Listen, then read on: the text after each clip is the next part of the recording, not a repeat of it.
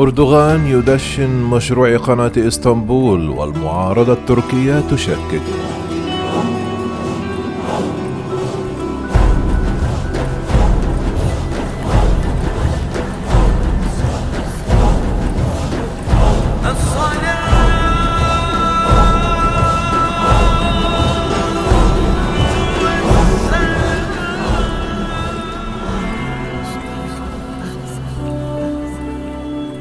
حضر الرئيس التركي رجب طيب أردوغان مراسم البدء ببناء جسر يتم تقديمه على أنه جزء لا يتجزأ من مشروعه المثير للجدل قناة إسطنبول. وقال وزير النقل التركي عادل يرى إسماعيل أغلو أن الجسر سيكون الأول الذي يقام فوق المجرى المقترح لقناة مائية جديدة تربط بحر مرمرة بالبحر الأسود. قال الوزير أن اتساع الجسر أعيد تصميمه لكي يتناسب مع القناة المقترحة لكن عمدة إسطنبول إكرام إمام أغلو وهو من حزب سياسي معارض قال إن الجسر هو مجرد جزء من مشروع توسع للطرق مخطط له منذ زمن طويل ويقول حزبه المعارض إن مشروع القناة الذي يكلف مليارات الدولارات يعد مشروعا جنونيا. أما علماء البيئة فيقولون أن المشروع من شأنه أن يعرض للخطر موارد المياه في المنطقة بأسرها لكن أردوغان يقول أن القناة ضرورية من أجل إبعاد حركة السفن عن مضيق البوسفور المزدحم الذي يمر بموازاة القناة المقترحة. وتصر الحكومة التركية على المضي قدما في مشروع القناة المقترحة على الرغم من الانتقادات المتزايدة له.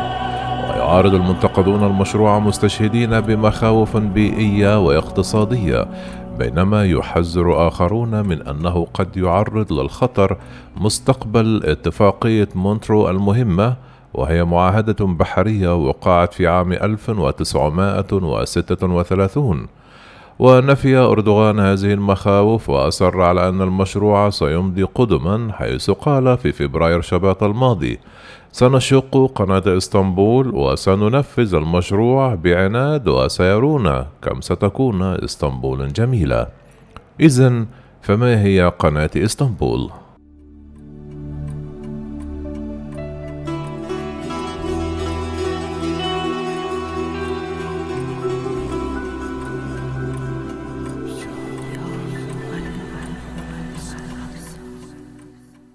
أعلن أردوغان لأول مرة عن خططه لشق قناة إسطنبول في إبريل نيسان من عام 2011 واصفا إياها بالمشروع الضخم الذي سيكون بحجم هائل لدرجة أنه لا يقارن بقناتي بنما أو قناة السويس. كما تروج الحكومة التركية منذ فترة طويلة لمشاريع ضخمة في البنية التحتية مثل المطارات والممرات المائية باعتبارها دلالات على النفوذ المتنامي لتركيا. ويقول الموقع الترويجي الرسمي للقناة على الإنترنت أنها ستبنى بتكلفة تزيد عن ثمانية مليارات دولار وستسمح بمرور 185 سفينة يومية. مقارنة بعدد السفن التي تعبر مضيق البوسفور حاليا والذي يتراوح بين 118 إلى 125 سفينة يومية. وبحسب الموقع الترويجي فإن المشروع سيضم أيضا رصيفا أو حوضا لمرسى اليخوت والسفن ومناطق ترفيهية وميناء للحاويات ومناطق للخدمات اللوجستية وستعبر القناة جسور وأنفاق تحت الأرض. كما قالت وكالة أنباء الأناضول التركية الرسمية إن الجسر الذي أعلن اليوم عن البدء ببنائه سيمتد بطول 1600 متر فوق القناة وسيضم أربعة خطوط لحركة المرور وسيكون موصولا بالطرق الرئيسية. وتقول تقارير إعلامية إنه من المتقرر أن يكتمل بناء القناة في سبعة أعوام. على أن يتم تخصيص العام ونصف العام الأولى منها للتحضيرات. ويقول مؤيد مشروع القناة إن حركة الملاحة والحجم الكبير للسفن الجديدة والمواد الخطرة التي تحملها تشكل تهديدا لمضيق البسفور في الوقت الراهن.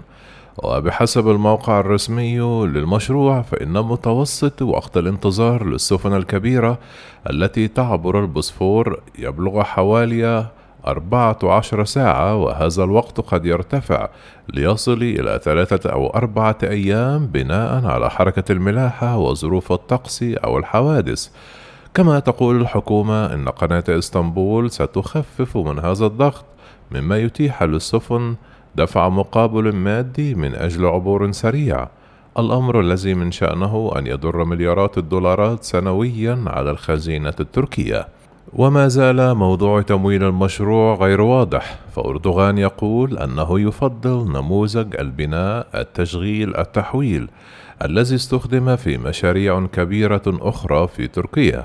لكن المنتقدين يقولون أن هذا النموذج راكم من عبء الديون على الأجيال المقبلة حيث اضطرت الخزانة لدفع رسوم مضمونة ضخمة مع انخفاض الاستخدام عن الهدف المتوقع. ومن جانبه وصف عمدة إسطنبول القناة المقترحة بأنها مشروع إجرامي محذرا من أنه سيفاقم من مشكلة الزحف العمراني وسيجمع دخلا غير مكتسب على حساب البيئة. وقال في حديث له في التاسع عشر من يونيو حزيران لم أقابل عالما حقيقيا واحدا لم يقل لي أن قناة إسطنبول ستدمر بحر مرمرة. حذر الاتحاد التركي لغرف المهندسين والمعماريين في نوفمبر تشرين الثاني من عام 2019 من أن المشروع سيدمر واحدا من أهم المصادر المائية لإسطنبول وهو سد سيلزديري إضافة إلى كافة الأنظمة البيئية الحساسة وقد فاقم التحذير الذي انتشر مؤخرا حول انتشار ما يسمى بمخاط البحر في بحر مرمرة من المخاوف البيئية المتعلقة بالمشروع. كما حذر المنتقدون من أن القناة قد تعمل على الإخلال بالتوازن البيئي الهش. وقال عالم الأحياء البحرية ميرد جوكالب لصحيفة الدنيا الاقتصادية في الرابع من يونيو حزيران قال إذا فتحنا قناة جديدة فإننا قد نتسبب في خسارة المياه الفقيرة بالأكسجين في مرمرة والبحر الأسود. لمزيد من الأكسجين وبعبارة أخرى قد نتسبب بتفاقم المشكلة. ويثير المعارضون أيضا مخاوف حيال تأثير قناة إسطنبول على الاستجابة للزلازل المحتملة. حيث أنها ستحول عمليا الجانب الأوروبي من المدينة إلى جزيرة ومن المعروف أن إسطنبول تقع على صدع زلازل وتشهد بانتظام هزات أرضية بسيطة لكن الموقع الرسمي للقناة يقلل من أهمية هذه المخاوف ويقول أنها ستكون مصممة لتتحمل أكبر زلزال ممكن. ولقد أثار مشروع القناة المخاوف أيضا حول مستقبل اتفاقية مونترو التي تسمح تركيا بالسيادة على إسطنبول ومضيق الدردنيل وبحر مرمرة ومضيق البسفور كما تسمح الاتفاقية للسفن التجارية بحرية المرور في المضائق التركية بينما تخضع السفن الحربية للدول التي لا تطل على البحر الأسود ومن بينها الولايات المتحدة لقيود معينة. كما تسمح أيضا للغواصات التابعة للدول التي تطل على البحر الأسود مثل روسيا وأوكرانيا بالعبور في المضائق التركية.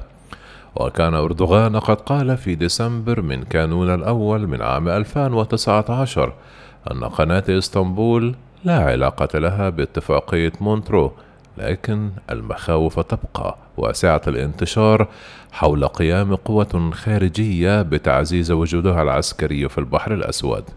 إذا فما هي ردود الفعل الدولية؟ أشار الرئيس الروسي فلاديمير بوتين في اتصال هاتفي مع أردوغان في التاسع من إبريل نيسان الماضي إلى أهمية الحفاظ على اتفاقية مونترو من أجل الاستقرار والأمن الإقليميين وقالت وكالة الأنباء الرسمية الروسية تاس إن المشروع قد يقوض دعم روسيا لحلفائها في المنطقة ويهدد السياسة الخارجية لموسكو. أما الولايات المتحدة فالتزمت الصمت حيال الخطط المتعلقة بمشروع قناة إسطنبول. غير أن بعض المحللين الأتراك يتوقعون أن تقوم واشنطن بالموافقة على انسحاب محتمل من اتفاقية مونترو من أجل تأمين وصول أفضل إلى البحر الأسود.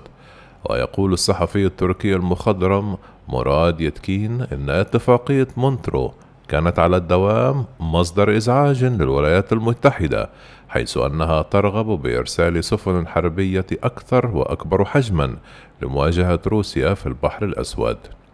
وفيما لا يزال التأثير الدولي للقناة غير واضح فإن الجدل الداخلي يبدو أنه مرشح للسخونة هذا الصيف مع بدء العمل على ما تصفه القنوات الإعلامية الموالية للحكومة بمشروع القرن. ومن المرجح أن مسؤولي الحكومة سيدفعون بهذه الرسالة تمهيدا للانتخابات الرئاسية والبرلمانية المقبلة في تركيا والمقرر إجراؤها في عام 2023 تلعب المشاريع الكبيرة كمشروع مطار إسطنبول الذي تم افتتاحه في عام 2019 دورا محوريا في الغالب في الدعاية الانتخابية للحزب الحاكم. وتقول الحكومة أيضا أن قناة إسطنبول ستوظف أكثر من عشرون ألف وظيفة في البناء والأعمال المتعلقة في إشارة إلى دوره في اكتساب الناخبين وسط المصاعب الاقتصادية التي تعاني منها تركيا. لكن هذا الكلام لا يقنع المعترضين. فعمدة إسطنبول يقول إن مشروع القناة ليس مشروعا للدولة وإنما هو مشروع انتخابات.